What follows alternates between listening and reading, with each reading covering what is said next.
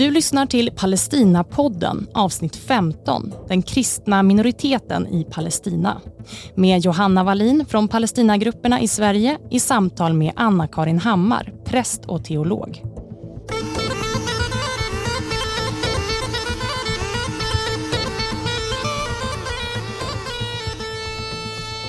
Idag spelar vi in Palestinapodden i Uppsala och jag är jätteglad att ha med mig Anna-Karin Hammar som är präst och teolog här i Uppsala och sedan länge känd för sitt engagemang för mänskliga rättigheter och internationell solidaritet. Välkommen Anna-Karin. Tack så jättemycket Johanna. Jag tänker att vi idag ska prata om de palestinska kristnas situation och lite grann också om eh, Kairos Palestina, som ju du vet mycket om. Men först kan du berätta lite om hur ditt engagemang för Palestina började. Det var faktiskt med min far som kom hem upprörd från det heliga landet. Han hade varit på resa och jag tror det var strax efter sexdagarskriget eller några år därefter. Och eh, han eh, hade nog åkt ner som vi alla, liksom påverkad av Leonuris böcker och så, fascinerad av eh, judiska invandringen till Palestina och återvändandet och så. Som eh, vi alla fostrades i på 50 och 60-talet och så. Och så han, när han kom hem så var han så besviken för han tyckte att det var så fruktansvärt orättvist. Han, eh, hade, han var inte bara präst utan hade jobbat mycket med jordbruk också. Och han såg liksom på åkrarna att palestinierna hade fått den sämsta marken och att de inte fick något vatten. Så han var så upprörd över orättvisan som var, fanns i det heliga landet. Då. Mm, redan då alltså. Mm. När reste du själv till Palestina första gången? Det gjorde jag i februari 1988 då hade den så kallade första intifadan börjat i december 1987. Och då jobbade jag som direktor på Kyrkornas världsråd för en kvinnoavdelning. Och då åkte jag inte ensam, utan jag åkte med Lindy Miesa som kom från Soweto i Sydafrika, svart sydafrikan, som levde under apartheid. Och därför har också den resan gjort outplånliga intryck på mig. För det Lindy såg redan då var att förtrycket var väldigt starkt av palestinierna och hon tyckte att det påminde om Sydafrika. Och sen den första resan, har du varit tillbaka i Palestina? Ja, det har jag. Kanske 20-30-tal gånger eller någonting sånt. Men eh, jag har inte åkt på väldigt många år nu för jag kom i konflikt med den israeliska ambassadören. Jag påstod på Twitter att det var pinkwashing det han höll på med när han gick med israeliska flaggor i eh, Pride-tåget. Och jag är ju själv homosexuell så jag tycker jag har lite rätt att värdera vad jag, vilken solidaritet jag vill ha. Ja. Och det var inte uppskattat? Nej, det var inte uppskattat utan det blev fruktansvärd eh, repression tillbaka av mig. Jag fick dödshot och en massa sådana saker också. Så att eh, det, det är ju lätt att sticka ut om man är lite frimodig. Men det är inte helt lätt att ta reaktionerna och och ledarsidorna som var negativa och så. Och då valde jag att ligga lågt för man har ju medierådgivare i kyrkan och ibland råder de en till att göra det. Och den här gången lyssnade jag på det örat. Men eh, jag har ju fortsatt mitt engagemang för Palestina, liksom för Sydsudan och södra Sudan som det var på den tiden innan det var ett fritt land. Mm. Och eh, ja, sen kanske inte bara var min far som var upprörd över orättvisor utan det har nog också jag varit sedan jag var liten. Och just när man reser i, i Palestina så är det ju svårt att undgå att se de orättvisorna. Precis. De säger ju det att eh, alla FN-personal som kommer, de reser ju precis som vi, att de är öppna för eh, den judiska verkligheten och är naturligtvis gripna av förintelsen och och allt det lidande som, eh, som israeliska judar, många av dem i alla fall, har varit med om. Men när man ser eh, fakta på marken så får man ju en helt annan bild. Och då får man ju en bild av en kolonisation. Av att det är, jag har brukat likna det vid en, under mina år, då de här 20, 30, 40 åren som det är som jag har rest, så har jag liknat det vid en caterpillar som liksom långsamt men envetet tar mer och mer skräp med sig så att säga och det, i det här fallet så är det palestiniernas mark och så. Och det, det är ett långsamt metodiskt arbete för att ta hela landet. Och den gode folkrättsforskaren eh, Sune Persson, han är död nu, men han var ju den som skrev den första boken om Palestinakonflikten i Sverige och folkrättsperspektiv. Han var docent vid eh, Göteborgs universitet. Han menade ju att eh, det fanns maximalister och det fanns minimalister på båda sidor men idag är ju maximalisterna framförallt på den eh, israeliska sidan som är helt oförsonliga när det gäller att eh, dela landet med den palestinska urbefolkningen. Du, om vi ska prata lite grann om de palestinska kristnas situation, som ju kanske inte är, är riktigt lika välkänd i en svensk kontext i alla fall, men väldigt aktuell just nu i den kristna påsktiden. Eh, det har ju hänt mycket i Jerusalem just nu under påsken, men innan vi pratar om det, kan du ge oss en, en lite kort bakgrund om de palestinska kristna, eh, de är ingen stor grupp. Ja, vid 1900-talets början innan eh, kolonisationen hade satt fart, eh, den judiska kolonisationen av Palestina, då var de kristna faktiskt 10 procent av befolkningen. Och idag är man på Västbanken max 2 procent och Jerusalem. Och det är inte mer i Israel. Och i Gaza är det 0,01 procent eller någonting sånt, ungefär 1200 kristna som finns på Gaza. Så att det är ju en otrolig åderlåtning. Alltså den israeliska statens tillblivelse innebar en åderlåtning av de kristna kyrkorna och det är inte så välkänt. Och det är inte heller så välkänt att eh, de kristna kanske var ändå upp till 10 procent av eh, de som fördrevs under Nakba 47 till 49. Och, att det, var, och det finns många idag därför i Latinamerika och runt om i arabvärlden och så i flyktingläger eller i andra omständigheter. Men eh, tillsammans, de palestinska kristna i världen, de är en miljon idag. Men de är kanske bara en kvarts miljon i det heliga landet. Och det är en grupp som fortsätter att krympa också. Mm. Och det är så oerhört viktigt att de får stanna. För att eh, de förvaltar, som vi säger det i kyrkan, de förvaltar den kristna kyrkans kollektiva minne. För de finns ju som kontinuitet i det heliga landet från det som vi kallar den första pingstdagen. Och det är ju för 2000 år sedan. Och det finns ju ortodoxa familjer, några kort kanske då träffat och så. Och hennes familj och så tillhör de familjerna som dra, kan dra sina rötter tillbaka till den första pingstdagen. Och du vet att det, det är ju en enorm kontinuitet som de palestinska kristna har. Och därför är de ju också så viktiga för det palestinska folket.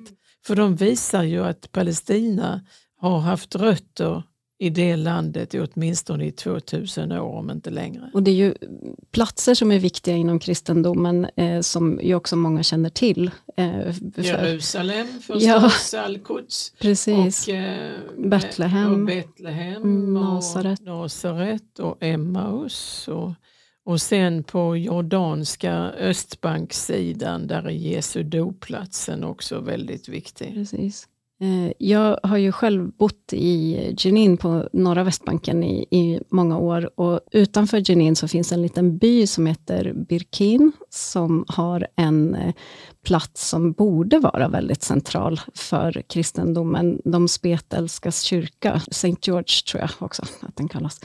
Eh, men ändå så vallfärdar det inga pilgrimer dit och det finns inget museum. Och det är en, en ganska oansenlig kyrka, blygsam, som tas hand om av en man som bor i Birkin. Varför tror du att det är så? Dels så tror jag att um, många kan ha missat det. Jag har faktiskt aldrig själv hört talas om den förr förrän du berättar om det nu. Men det gläder mig oerhört för jag förmodar att det är berättelsen om de tio som blev botade spetälska där bara en vände tillbaka och tackade Kristus för att han hade blivit helad. Och, ehm, och det var intressanta med den berättelsen är ju att det var en utlänning som vände tillbaka och tackade. Så att det är ju också liksom, eh, eh, ett statement mot främlingsfientligheten och för att värdesätta vad eh, mångfalden gör med oss också med den kristna kyrkan. Att den har varit med från begynnelsen. Men den här pilgrimsplatsen tycker jag vi ska hjälpas åt att göra känd. För att vi håller på att ge ut en ny bok om pilgrimsfärder till det heliga landet. Och där vore det ju roligt att ha en liten ruta mm. om eh, den här platsen. Så det får du hjälpa oss ja, med. Absolut. Vi fick många besök i Jenin av bland annat Svenska kyrkan och Bilda och sådär. Det brukar alltid tipsa dem om att åka till Burkin och titta på den. Och det var många som, som blev alldeles hänförda av att se den platsen som mm eh, ja, som är så, så, för en så marginell tillvaro verkligen, men som ändå borde vara så betydelsefull. Eh, en plats som är väldigt betydelsefull i, inom kristendomen är ju Jerusalem. Eh, man hör ibland det här uttrycket status quo. Kan du förklara vad det är för någonting? Mm. Det är ju ett väldigt viktigt begrepp, status quo-berättelsen, och den är ju del av folkrätten. Och det handlar ju om när Palestina hör till det Osmanska riket. Och ehm, då ehm, sultanen vill få lite ordning på hur de kristna förhåller sig till varandra som har olika anspråk på uppståndelsekyrkan eller den heliga gravens kyrka. Och eh, det kommer lite förordningar, så kallade firman, under olika år. Men det viktigaste kommer nog 1852 och då upprättas ett dekret som får namnet status quo så småningom. Och eh, i Berlin 1878 så används för första gången begreppet status quo. Och artikel 62 i Berlinfördraget utvidgar skyddet av de heliga platserna till att gälla inte bara de kristnas heliga platser utan även eh, Haram al-Sharif, eh, Al-Aqsa-området och moskéområdet och så småningom också västra muren faktiskt med, med, med det västra templet, murresten som är kvar som där judarna ber och som ibland vi i Sverige kallar för klagomuren. Vad är det som har hänt nu under påsken just när det gäller status quo? Det var ju strax före påsk eh, som eh, den israeliska polisen gjorde övergrepp i Al-Aqsa-moskén och störde gudstjänstfirarna och gudstjänstbesökarna. Och eh, det var ju emot folkrätten, det intrånget. Och likaså var det några israeliska extremister som gav sig in och förstörde en gudstjänst och angrep någon av biskoparna och så. Och eh, det blev också väldigt mycket rabalder om det. Så att eh, den eh, grekisk-ortodoxe patriarken Teofilus den tredje, han skrev ett väldigt ampert brev om eh, nödvändigheten av att Israel respekterar folkrätten och att det är det jordanska kungadömet som har eh, överinseende över eh, de heliga platserna. Så att, eh, och folkrätten övertrumfar ju lokal lag eller vilken lag en Israel har. Så att det är ju den man ska följa. Och det som hände under påsken är då för de kristna är ju det som har hänt under väldigt många år nu, nämligen att man begränsar de firandes antal och man sätter upp kravallstaket och man gör det omöjligt för de kristna att nå. Man skyller på trängsel, men jag vet människor som har fotograferat de ödsliga gatorna inne i Gamla stan i Jerusalem. Så att jag tror ju, och det har jag inte vetenskapligt belagt, men jag tror att det är så att Israel har en strategi att vilja hålla tillbaka de kristna uttrycken eller de muslimska uttrycken som, som ju också är palestinska uttryck. Och eh, det, det, är någonting som pågår som all policy från Israels sida. Det är inte det stora övergreppet som kommer med en gång utan det är de små medvetna stegen mot allt större kontroll. Och eh, det märks på varje område och det märks också på religionsfrihetens område. Och eh, man tycker ju att, eh, att världen skulle vakna men det är som om vi invaggas i den här kokande grodan när vattnet värms bara lite efterhand att vi märker det inte riktigt förrän det är för sent.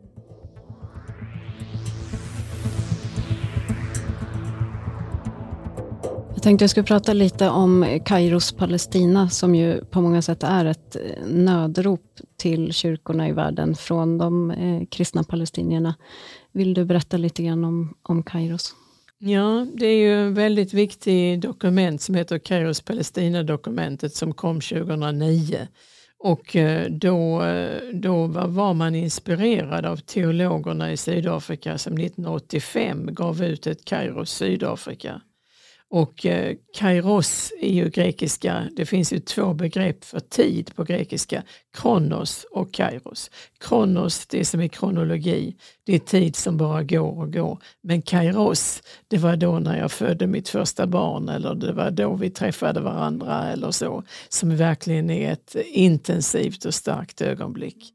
Och liksom en avgörande tid.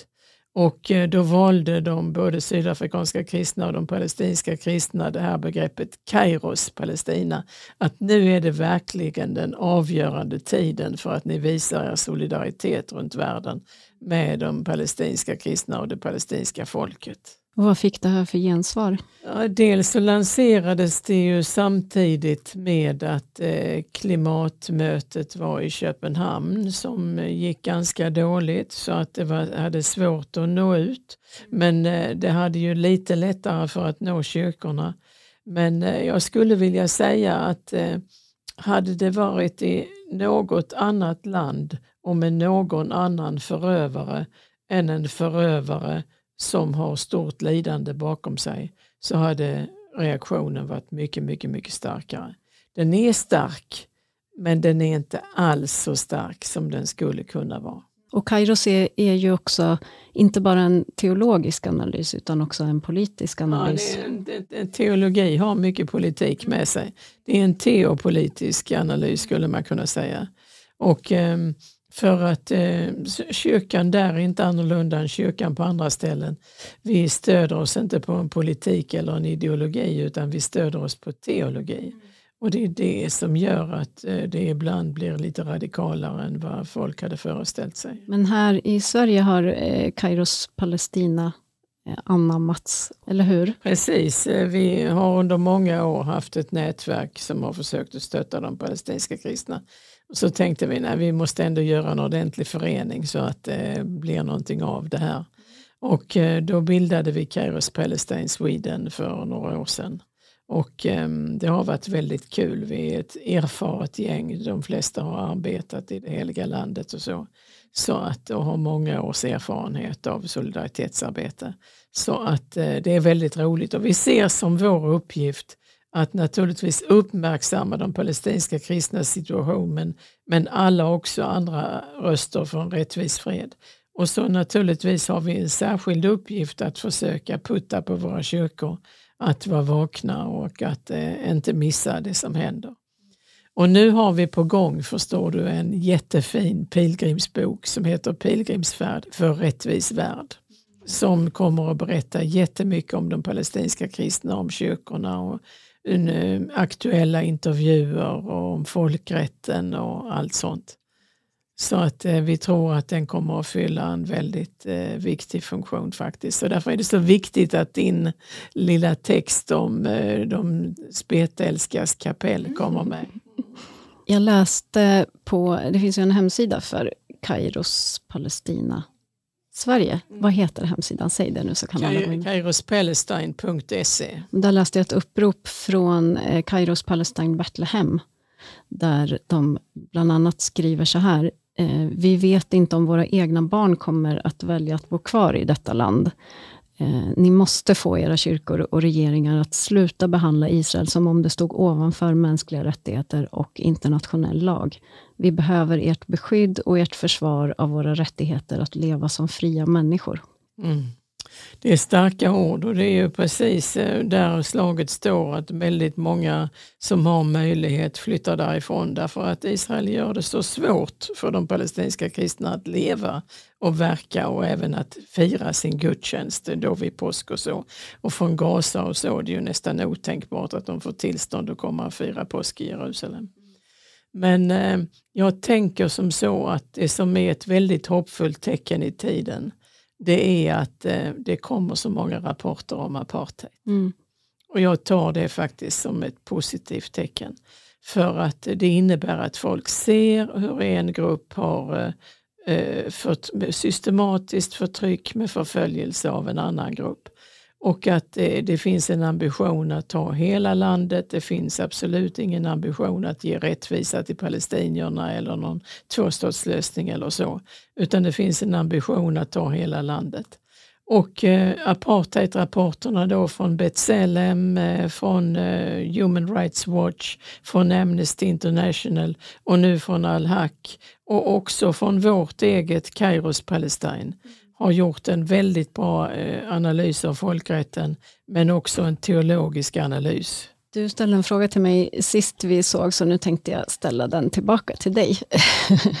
Apropå hopp. Eh, det här att situationen har ju eh, faktiskt fortsatt att bli allt sämre under alla de här åren som du har varit engagerad. Eh, jag är inte i närheten av ditt långa engagemang, men ändå sett hur, hur situationen när man tror att det inte kan bli värre, ändå blir det.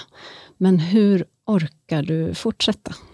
Hur orkar du känna någon slags hopp i den här ganska Men, hopplösa situationen? Det finns väl en inre glädje med att ändå välja rättvisan och freden. Liksom det är någonting gott i sig att vilja rättvis fred. Och eh, det, det ger ofta kraft när man arbetar för det det är helt enkelt eh, liksom man har änglarna med sig och det är en väldigt eh, god, gott stöd i det arbetet. Och så ser jag ju liksom på dessa fantastiska palestinska kristna, jag tänker inte minst på Mitri Raheb som är rektor för universitetet för kultur och konst i Betlehem, eh, Dar al-Kalima universitetet. Och han är ju, jag brukar säga att han, han är Palestina-Steve Biko. För att eh, han har den här assertiveness. Liksom, han är inte offer en sekund utan han arbetar för att eh, främja en ny generation av unga palestinska ledare som kan eh, med rättmätighet hävda sin plats i detta land. Och eh, eh Steve Biko blir ju dödad och det var på vippen att eh, eh, Rahe blev det också men genom en insats från alla kyrkorna och eh, även med, med goda kontakter med israeliska ambassadörer på den tiden så fick vi utbytt befälhavaren som hade Mitri under eh, gunpoint som det heter på engelska. Och han överlevde. Och vi är så tacksamma för att eh, det han gör är ett fantastiskt ledarskap för Palestina som är i klass med det här eh, Steve Biko i Sydafrika. Boken Pilgrimsfärd för rättvis värld, när kommer den? Jag hoppas att den ska komma i augusti, september. Mm, då får man hålla utkik efter den. Tack så hemskt mycket Anna-Karin Hammar, präst och teolog för att du var med oss idag. Tack så jättemycket Johanna. Du har lyssnat till Palestinapodden med Johanna Wallin och Anna-Karin Hammar inspelat på Sensus studieförbund i Uppsala. Palestinapodden produceras av Palestinagrupperna i Sverige. Musik Akram Abdel Fattah och Per Skytt. På återhörande.